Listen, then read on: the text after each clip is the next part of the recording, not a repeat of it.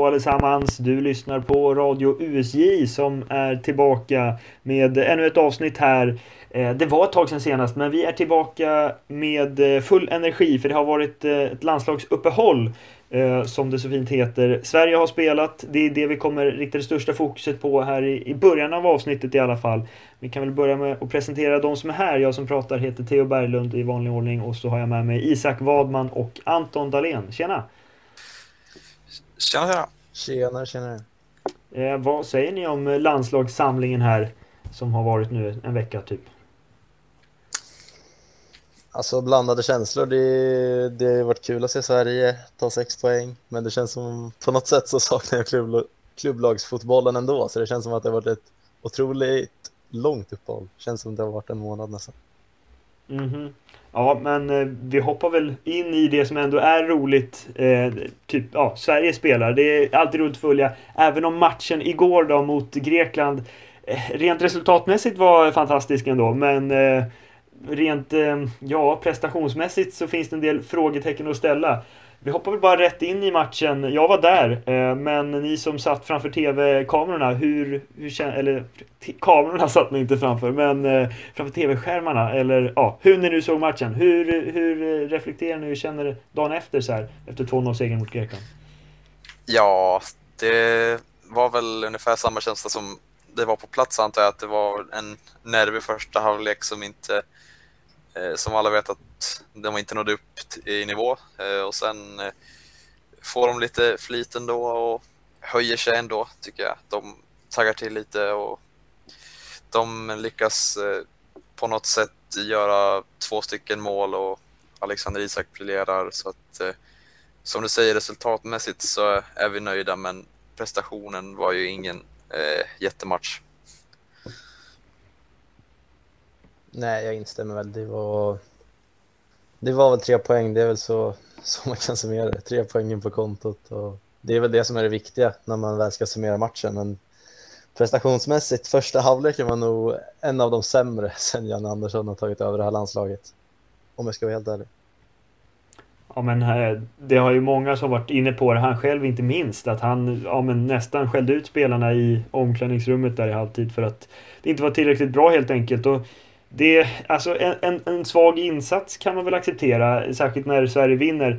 Men när man adderar det till matchen, senaste matchen mot Grekland som inte var bra, matchen mot Kosovo i lördag som vi kommer in på lite mer sen, plus den här första halvleken då främst, så är det ju lite oroväckande. Eller ska vi se det som att, okej, okay, Sverige kanske är dålig, in, in, då, inne i en dålig period, men att eh, resultaten ändå kommer och, och det är, är ju det viktiga på något sätt. Hur, var, var står ni i den frågan liksom i allmänhet? Alltså, alltså något oroväckande skulle man ändå kunna säga att det är, för det är ju så här, det som händer, det som liksom Sverige gör mål på och sånt, det har ju främst varit lite individuella prestationer, främst av Alexander Isak då. Men sen liksom försvarsspelet och det är, alltså resten av spelet har inte sett så här lännande ut på senaste tiden. Och det har nog mycket med det att göra som det har snackats om en hel del, att det är många spelare i startelvan som liksom inte har regelbunden speltid i sina klubblag heller. Och jag tror att det, alltså, det har ändå en inverkan, liksom, om man ser så här, Emil Kraft och Lindelöf, Augustinsson, liksom, det är ju tre av fyra i backlinjen liksom, som knappt har spelat en minut sen senaste samlingen. Det, då liksom, när man kommer till landslaget då, då måste man liksom försöka komma in i matchform direkt. Och det är ju nog troligtvis inte så jäkla enkelt. Så jag tror det kan ha någonting med det att göra, men det är lite oroande faktiskt. Ja men exakt och då nämner du inte ens Danielsson som väl inte spelar fotboll överhuvudtaget. Nej på precis, då är det 4-4. Exakt. 4 -4 eh, och eh, ja men vi kan väl ta det att Lindelöf var tillbaka inför den här matchen. Han eh, blev ju pappa för andra gången eh, vid matchen, ja i samband med matchen med, mot Kosovo där. Eh, men var tillbaka. Försvarsspelet, var det så mycket bättre? Jag vet inte. Eh, han, han sköter väl sig Lindelöf. Men som du säger, Augustinsson, Danielsson, Kraft i allmänhet så är det svaga prestationer. De ska vara glada för att de har Robin Olsen där bak i alla fall. Vad säger du Isak om, om försvarsspelet under gårdagen? Ja, alltså som ni säger, det var ju inte något bra. Samtidigt släppte de inte in något mål och det har de ju tur för. Som säger, Robin Olsen räddade upp dem. Eh, och framförallt kanske igår så var ju eh, stolpen och ribban ganska vänliga mot eh, Sverige. Då, så att, eh, det är väl bara att försöka analysera matchen och titta på vad man kan göra bättre. Och det, hoppas att Kraft och Augustinsson får lite mer speltid och sen Danielsson kommer inte ens vara aktuell nästa landslagsuppehåll för att det är så här karantänsregler i Kina så han kommer sitta på ett hotellrum liksom i typ så här tre veckor och bara vara där och då kommer han inte kunna vara med när det väl gäller då. men eh, så, det finns ju samtidigt lite på bänken också Joakim Nilsson spelar mot Kosovo mer liksom och sen har det spekulerats lite om man kanske vill att Janne ska ringa en, slumpling till Pontus Jansson i Brentford och se om man är sugen på att hoppa in. Men det känns väl ganska osannolikt just nu. Så att, eh, nej, det är inte bra, men det är väl bara att försöka gå vidare och göra bättre. Ja, men exakt. Backlinjen, stora frågetecken ändå. Och framför dem på centralt mittfält Eh, Kristoffer eh, Olsson har inte varit bra den senaste tiden i landslaget. Var inte särskilt bra igår heller. Albin Ekdal, desto bättre kanske, men han är borta mot Georgien för att han eh, drog på sig en varning eh, i, mot Grekland här. Eh, det är inget starkt centralt mittfält heller för Sverige. Hur tycker ni man ska lösa det? Ja, men mot Georgien då kanske när Albin Ekdal inte är med. Eh, vad säger ni? Ja, alltså, det, jag tror nog att det om man ser till spelartyp så borde ju Jens Kuster vara, den, vara ersättaren liksom till Ekdal. Om man ska göra ett rakt byte så. Och det, det är väl lite, alltså, man vet ju inte riktigt vad man ska, vad man ska förvänta sig av eh, Jens Kuster i landslaget heller. Liksom. Han har inte fått spela jättemycket. Har väl gjort det liksom okej okay när han har spelat. Han har inte varit bländande heller, men det, är ju, det känns ju ganska tunt ändå. Svanberg finns ju där också, men det är man hade ju varit mer trygg om det fanns lite mer bredd och lite mer spelare att välja på. Lite mer konkurrens också. Ja, verkligen. Eh, för det kommer ju, även om på ett sätt det kanske är bra att Ekdal missar Georgien om man ska missa någon match istället för Spanien. Eh, så är det ju, alltså ja, Svanberg kan just det, bra spelare men de är inte där än så att säga. Eh, så det kommer bli en prövning mot eh, Georgien och särskilt när Olsson inte är inne i sitt bästa stim. Eh, och lägg där till då att Claesson tänker jag igår inte heller riktigt presterade. Han är lite upp och ner i landslaget ändå. Eh, men just högerkanten igår med Kraft och Claesson och lägg till eh, ja, men liksom Olsson centralt. Det, ja, det stämmer inte riktigt. Vad var er bild av eh, Viktor Claesson då framförallt igår? Ja, alltså jag tycker han, han springer alltid mycket och han är väldigt ettrig och livlig men alltså han tillförde väl inget speciellt igår ja, offensivt eller defensivt, men han är löpstark som alltid, men eh, det, han har inte varit riktigt likadan efter sin skada där. Han var ju på gång för några år sedan, men sen kom den där knäskadan inför, inför vad det nu var för eh, turnering. Eller? Spanien-matchen där på Bernabéu Ja, just det. Span Spanien på Bernabéu, ja. ja. Just det, ja exakt. Så efter det har han väl inte riktigt varit eh, lika bra och det har väl stannat upp lite i hans utveckling. Och han blir ju inte yngre liksom. Nej, nej exakt. Eh, så att, ja, lite frågetecken. Men det kanske ser lite ljusare ut om man tittar rent offensivt i ja, men startelvan som var igår ändå. Forsberg kommer in, gör eh, mål igen från 11 meter. Eller kommer in, han, han spelar väl mest hela tiden. Quaison däremot kommer in det känns ofta som att Quaison är bättre som inhoppare än som startman för Sverige. Men för igår var det ingen superprestation direkt, eh, men eh, det var det ju i lördags. Quaison, alltid ett litet frågetecken i landslaget. Det är svårt också när eh, det är en hård konkurrens om anfallsplatserna. Vad säger ni om, om Robin Quaison? Ja, han ska väl, ska väl inte vara tillräckligt bra för att vara en startspelare i landslaget egentligen. Nu är ju Kulusevski borta såklart, men ja, liksom har man trappat ner och gått till den ligan som han har gått till, liksom, då, då jag vet inte riktigt om han ska, ska vara så pass bra att han ska starta i svenska landslaget. Och sen visst, han gör ett fint inhopp där mot Kosovo och gör ett riktigt läckert mål, men Ja, men han är lite mycket upp och ner. Man vet inte riktigt. Alltså, det är inte någon man vill. Man vill inte lita på att ha Robin Quaison i ett anfallspar när Sverige spelar mot Spanien och Georgien här framöver. Nej, men anfallspartnern igår, Alexander Isak, var desto bättre, eller hur Isak?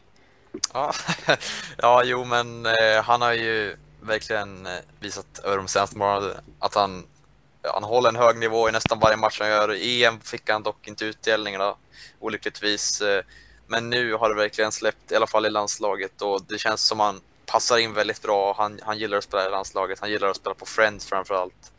Eh, så att, eh, nej men, och han är ju så viktig liksom. Han, han gör ju de här matchavgörandena liksom, som ingen annan kan riktigt i landslaget, kanske Emil Forsberg, men han, det är de här aktionerna, liksom, de här dribblingsräderna, de här tunnlarna och det där skottet utanför boxen liksom mot Kosovo och det här kyliga avslutet nu. Liksom. Det är matchavgörande aktioner och det behöver Sverige i sådana här matcher där inte riktigt, där inte riktigt eh, liksom klickar. Ja, men han känns ju som den stora stjärnan liksom i på något sätt det här nya landslaget. Eh, för att ja, men jag, var, jag var på plats igår och det var det är ju han som eh, folket vill se. Det är han som får mest jubel kanske när, när han får bollen och så vidare. När han eh, ja, byts ut. Eh, ja, det, Eh, gjorde han inte igår. Men ja, det är han som är liksom frontfiguren. Och just att, nej, han gör inte en fantastisk match fram tills eh, eh, målet kommer då. Men ändå, det är han som fixar straffen. Det är han som står för det här målet igår på ett väldigt skickligt eh, individuellt sätt från en fin passning av Robin Olsen också som fick assist. Eh, och eh, samma sak i lördags med, med, med det fantastiska målet där. Eh, han är verkligen ja, men frontfiguren som kliver fram när det behövs. Och det Eh, är ju något som verkligen eh, landslaget behöver, uppenbarligen. Liksom. Eh, men, men Alexander Isak, vad säger du Anton om hans liksom, utveckling ja, men typ det senaste året kanske i landslaget? Nej, men han har väl gått från att vara en liksom, stjärna till en superstjärna. Liksom. Alltså, det är, alltså sättet som han liksom bara flyter igenom motståndarförsvaret ibland, det är, det är helt otroligt. Jag tycker att han är, han är hur bra som helst och han kan, han kan bara bli bättre det är lite tråkigt att han inte riktigt har fått det lossna i klubblaget än så länge, men det kommer med all sannolikhet kommer han göra en massa mål i La Liga den här säsongen också. Och för Sverige så är han ju liksom oersättlig. Alltså utan Alexander Isak så, ja, då vet det tusan om vi hade tagit tre poäng mot Grekland igår. Ja, jag bara slänger in frågan här också för att det har ju varit lite diskussion. Det är ju Guldbollen som väntar, även om du väl inte blir någon gala i år heller. Men eh, Forsberg känns väl som det givna alternativet. Men tycker ni att Alexander Isak ska vara där och, och norpa åt till Guldbollen, eller? Alltså, det har ju känts som Forsberg, eh, särskilt efter den EM-turneringen, gjorde det helt otroligt eh, bra. Men först efter Isaks mål mot Kosovo, aktionerna i den matchen, då kändes det ändå som man hade lite vittring på det och sen efter den här matchen känns det ännu mer som att han är där och nosar och det är två VM-kvalmatcher kvar liksom, det kan hända mycket på dem och ja, om man fortsätter så här då kommer det bli väldigt tajt alltså. Och det är nästan som att, alltså om man gör kanske två mål till i de här två matcherna, då känns det ändå som att det väger över för honom. Mm. Jag eh, ger ett kort svar och säger att jag skulle ge den till Isak. Ja, jag skulle nog ge den till Forsberg. Så att, eh, det finns uppenbarligen eh, skilda åsikter här och det, det är alltid intressant. Eh, men eh, vi får se vem som får det. Det är väl är det slutet av november typ. Som, eh, ja, något sånt. Man, man ger ut den, ja. Men matchen igår, alltså resultatet är ju såklart det viktigaste kanske i just en VM-kval. Men man ska komma ihåg att Greklands första halvlek, eller ja, Sveriges första halvlek var inte alls bra. Grekland var desto bättre. 8-1 till Grekland i avslut i första halvlek. Det är inte bra och ribbträff och stolpträff som vi varit inne på. Det är, ja, är det, är det bra att Sverige lyckas vända tillbaka det här och få med sig segern liksom?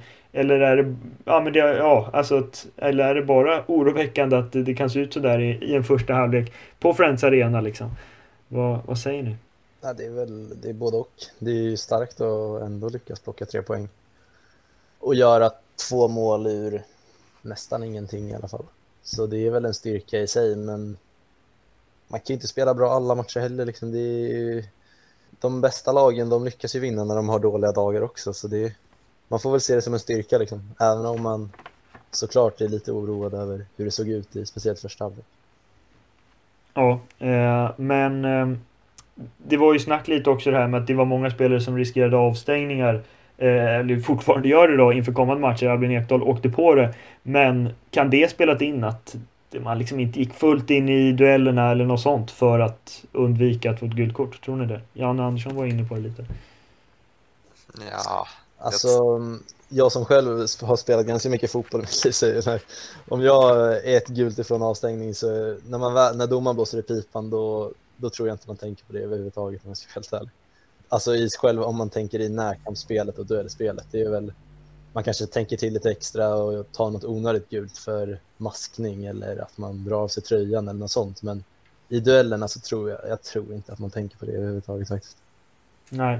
Nej, maskning där också. Det var ju, har ju varit snack nu att det var någon eh, bollflicka var det väl som hjälpte ja. Forsberg där. Fick de sin revansch grekerna eller vad säger ni? Ja, alltså jag tyckte ju förra matchen mot Grekland i Aten, alltså grekerna var ju otroligt eh, Eh, bra ändå på att eh, maska för, med tanke på att domarna till så lite tid. Liksom, de höll ju på, de la sig och det tog lång tid och eh, slå hörnor och insparkar och allt vad det är. Och det blev inte mycket tid och eh, Sverige fick väl, fick väl inte riktigt chansen och kanske fixa en sen kvittering då, men jag tycker Sverige maskade inte så, så eh, otroligt mycket igår. Jag tyckte det ändå var en ganska normal maskningsnivå. Ja, det, det höll sig på, på ja. rätt nivå. Ja, men eh, bra. 2-1 ja, 2-1 blev det ju till, till Grekland i Aten och 2-0 till Sverige nu då igår. Det var skönt. Eh, bra drag var det också. Som sagt, jag var på plats. Men du var på plats i lördags då Isak, om vi går in lite mer på matchen mot Kosovo. Eh, vad, vad säger du om den? Det blev ju 3-0 där till och med. Eh, men det var ingen jättesprakande tillställning heller, kanske bortsett från målen då. Nej, alltså första halvleken var ju ganska avslagen. Det, det, Sverige hittade ju inte riktigt något speciellt i första halvleken och sen Kosovo hade väl en annan chans där. Sen blev det ju väldigt avslaget med den här VAR-granskningen. Alltså, man, när man var på plats, alltså, först trodde jag att det var något så här cooling break eftersom spelarna gick till sidan och drack vatten. Och så jag tänkte, men det kan de inte ha i liksom, oktober. Det har man liksom väl bara när det är på turnering, när det är varmt. Och så, för det kom inte upp något på skärmen, det är ingen så här eh, VAR-check eh, på skärmen. Så att, eh, man fattar ingenting. Och sen, sen plötsligt efter typ så fem minuter pekade domaren på straffpunkten. och då blev man lite paff liksom. Jaha, okej, okay. straff, det, det tar man väl liksom.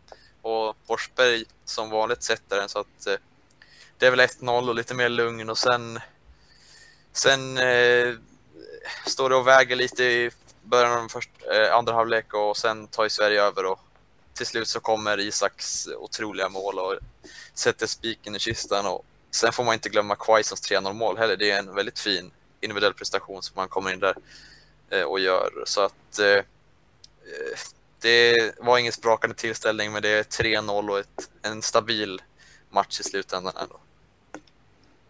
Ja, 3-0. Eh, Om Sverige inte är mål på straff, då är det i alla fall fina mål, så kan man väl säga. Eh, men det kändes också som i den matchen att målen kom väldigt lägligt. För att Kosovo var väl bra där i slutet av, eh, eller var, slutet av första halvlek så hade de några lägen. Men ja, målet, första målet kommer, vad var det? Det, var, det, det tog ju lite tid. Ja, det var alldeles i slutet på första halvlek tror jag. Ja. Ganska sent, så att det kom inte... ju väldigt lägligt. Ja men var det inte eh, sex minuter ungefär innan den här VAR-kollen var klar? För ja, var, exakt. Alltså det var oklart eh, framför tvn också, men jag kan ju förstå på plats liksom, vad händer? Men de fick ju inte fram ja. bilderna. Alltså, det, Nej, det ju... domaren stod där och kollade, men det var bara, skärmen var bara röd liksom. Ja. Så att, ja. Nej, VAR visar inte upp sig från sin bästa sida där kanske. Men det blev ju bra ändå att det blev straff. För, ja, skulle det varit straff, vad säger ni?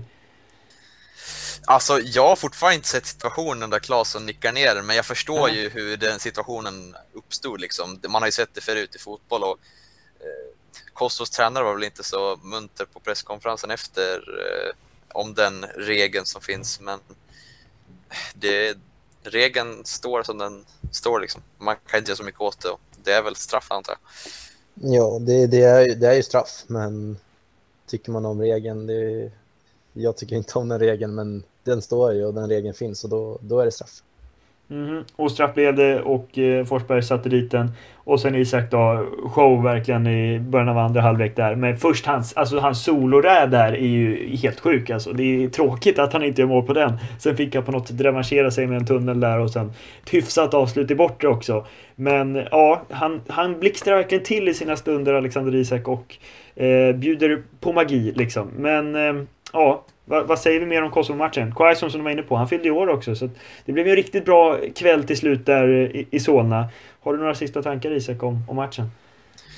Ja, alltså bra inramning första matchen på Friends sen corona, liksom det, att det är fullsatt och bra stämning. Och, jo, men eh, det, kändes, det kändes bra. Det, det är 3-0 och det tackar man inte nej till. Och det, jag tycker, jag måste faktiskt få nämna Albin Ekdal. Han gör en väldigt bra match på mittfältet. Alltså han, man ser verkligen när man är på plats, alltså han styr och ställer. Han, han vinner så många bollar. Han är så otroligt underskattad. Jag tyckte han nästa, han var i alla fall en av de tre bästa på plan den här matchen tyckte jag. Mm -hmm. Och då är det ju så snöpligt att han missar en match, eh, ja, nämligen den mot Georgien. Men då lär han ju vara tillbaka då, om han inte blir skadad, för det vet man aldrig med Albin Ekdal. Men mot Spanien där. För vi kan ju ta det, det som väntar då är ju om en månad då ungefär.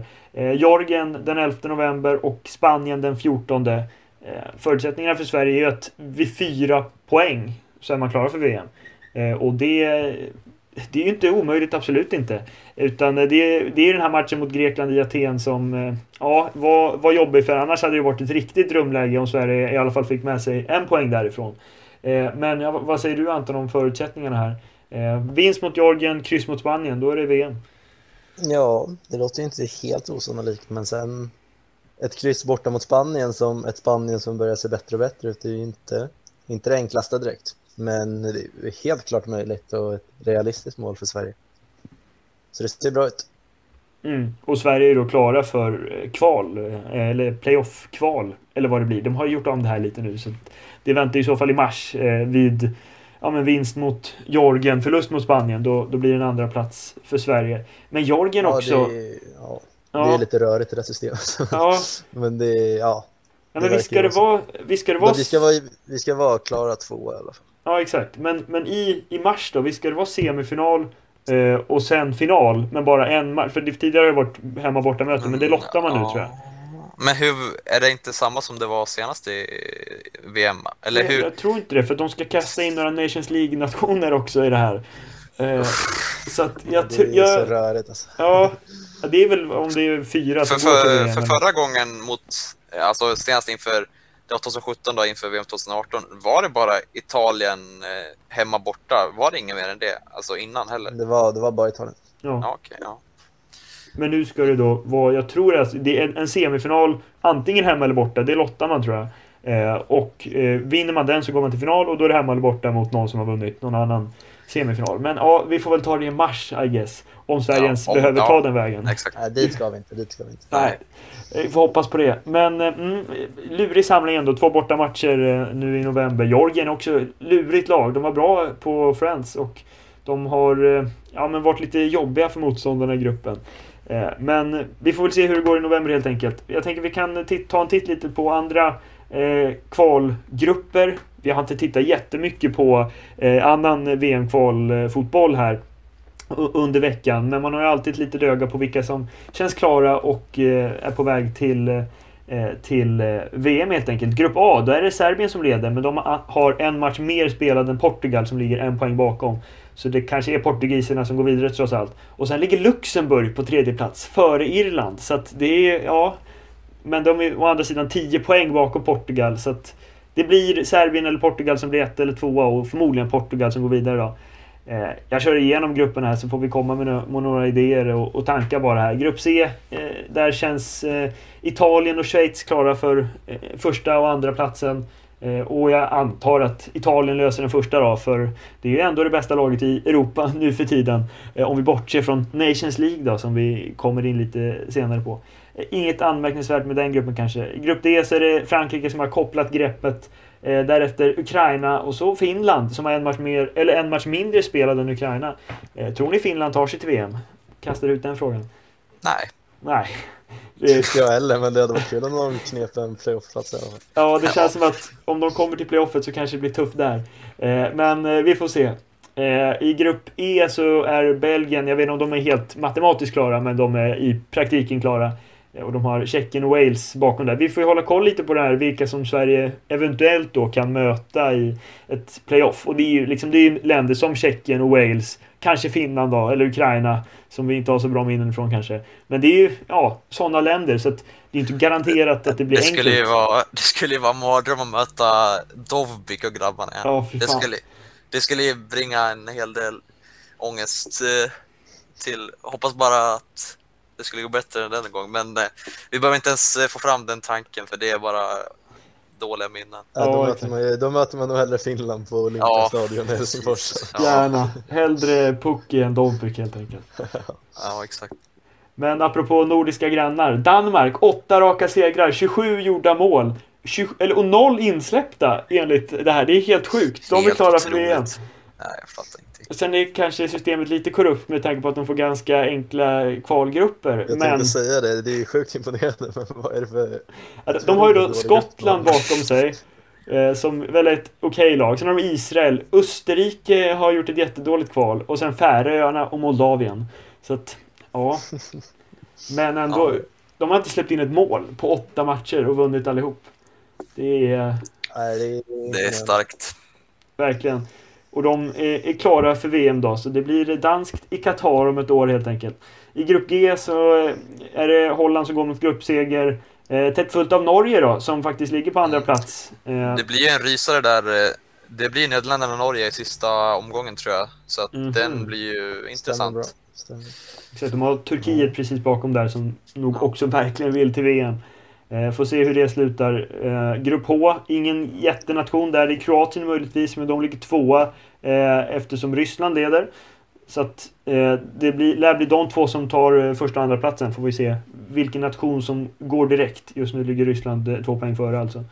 Eh, grupp I så har England kopplat ett starkt grepp om vinsten med, med Polen bakom sig. Det, det är inte så mycket anmärkningsvärt och det vet vi ju från England i, i kvalspel. Där är det oftast övertygande.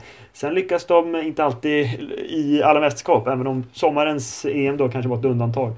Eh, även om de såklart förlorade på straffar då också. Eh, men sista kvalgruppen, grupp J, där har vi också en klar nation, inte heller så övervänt, eh, oväntat att Tyskland är klara för VM där under Hansi Flick. Eh, ja, har ni några tankar förutom att eh, danskjävlarna får enkla kvalgrupper om, eh, om eh, ja, men VM-kvalet? Lite, lite dåligt med skrällar tycker jag ändå. Det hade gjort lite roligare Ja. med några fler uppstickare. Det känns som att det, det är de förväntade lagen som är i topp i alla grupper. Det är som Theo sa, det är Luxemburg på en tredje plats men de är ändå 10 poäng bakom Portugal. Så att, Ja, men Eh, precis. Det är väl Finland då. Finland är Ja, största det är- skrällen om, om de Ja. lyckas ta andra platsen. hur såg läget ut för Finland sa du? Jo men det, de har då, eh, det är också en sån här grupp som är ett, eh, med eh, färre eh, antal lag, fem bara istället för sex. Eh, Jaha, men de, de ligger på sex spelade matcher, åtta poäng. Ukraina ligger på sju spelade matcher, nio poäng. Så att Finland kan ju faktiskt gå om här. Ja. Men då är frågan också, de har ju då i sista samlingen Bosnien, Hercegovina som de kanske kan slå. De ligger ändå före dem. Bosnien har ju inte riktigt, alltså de har ju kvalitet, Bosnien, men de, det, det känns som de aldrig riktigt får ihop det i kvalen liksom. Nej, eh, men Eh, sista... Är det borta mot Bosnien då? Eh, ska se här. Ja, det är borta mot Bosnien. Ja, det kan bli svårt. Och sen hemma Frank... Ja, den Ja, där det är matchen. hem- man åker, det är nästan att man drar till Helsingfors för att se den där matchen. Ja, det, det Om är väl Sion Finland.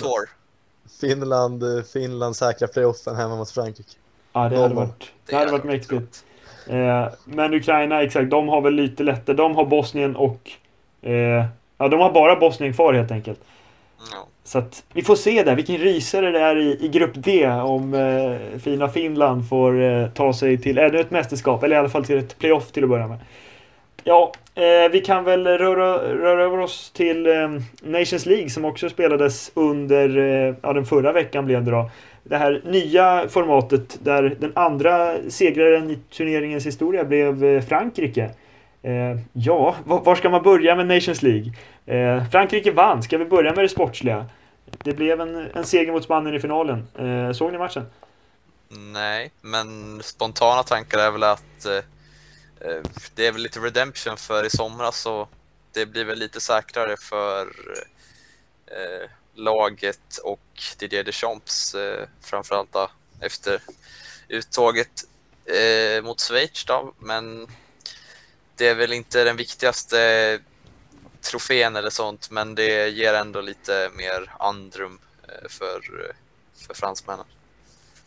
Ja, verkligen. De, de lyckades ju i båda matcherna vända på eh, resultatet helt enkelt.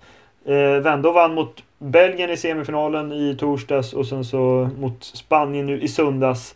Eh, och tog den här otroligt viktiga titeln eh, som alla kommer minnas eh, för all evig framtid. Jag vet inte riktigt vad man ska säga. Det, det är ju bra matcher, bra lag som möts, men mm, på ett sätt kan man ju tänka att var sak, det tar lite tid innan man riktigt, innan det får status så att säga. Det är klart att andra VM-slutspelet inte var det största någonsin. Men det känns ju också som att Nations League kommer ju aldrig kunna konkurrera med ännu större landslagsturneringar. Det känns överflödigt. Det känns som i sin tid som vi är nu att det ska bara vara ännu fler matcher och ännu fler eh, ja, men, bra matcher, ännu ja. färre träningsmatcher, ännu mer pengar liksom. Ja, Man får lite, jag får lite Super League-vibbar nästan. Alltså. Ja. Men inte riktigt lika illa då, men det är fortfarande... Ah, det känns så oväsentligt. Liksom, kvalen får ju räcka, tycker jag och sen kör man turnering på somrarna. Liksom. Så funkar det. Så har det funkat eh, de senaste, hur många år det kan ha varit, men eh, och det funkar bra så att det, if it ain't broke, don't fix it. Liksom. Nej, det, det är sant och lite som säger, i sådana här sammanhang så blir jag ganska konservativ liksom. Man vill inte förändra för mycket liksom och ja, jag vet inte på något sätt blir det som att Nations League har inte statusen uppenbarligen, eller ja, det är inte så konstigt med tanke på att den är en ny turnering. Men det gör ju också att det blir ännu mindre status, eller vad man säger, på kvalmatcherna. Och då kanske också på, på mästerskapen. Om det bara blir mer och mer mästerskap, då blir det kanske ja, men ännu trängre. Och nu är det ju snack om att det ska vara VM eh, vartannat år också. Eh, det blir mycket sånt liksom. Men som du säger liksom, if it ain't broke don't fix it. Så att, Ja, jag vet inte. Vad, vad, säger du Anton om, om Nations League som koncept? Jag, jag håller väl med det som ni är inne på. Liksom det, alltså, det, det, alltså själva grejen, det blir liksom lite för mycket. Att det ska vara liksom finaler. Vi har nyss haft en EM-final i somras och nu ska vi har en Nations League-final nu under hösten. Det blir... Ja, men det, det är liksom man... Jag tror inte det är så mycket alltså, alltså tittare och liksom tittarsiffrorna kan inte vara jättehöga i en Nations League-final heller. Så kalla det för träningsmatch istället tycker jag i alla fall. Ja, men jag ser ett värde i det här med träningsmatcher. Att det kanske då de spela, stora spelarna får vila, vilket kan vara bra för dem. Men också där spelare kan få, eller där tränare och lag kan få testa nya spelare. Eh, det gör ju för sig Luis Enrique ändå, kastar in eh, 0-4 eller hur gammal han är, Gavi där.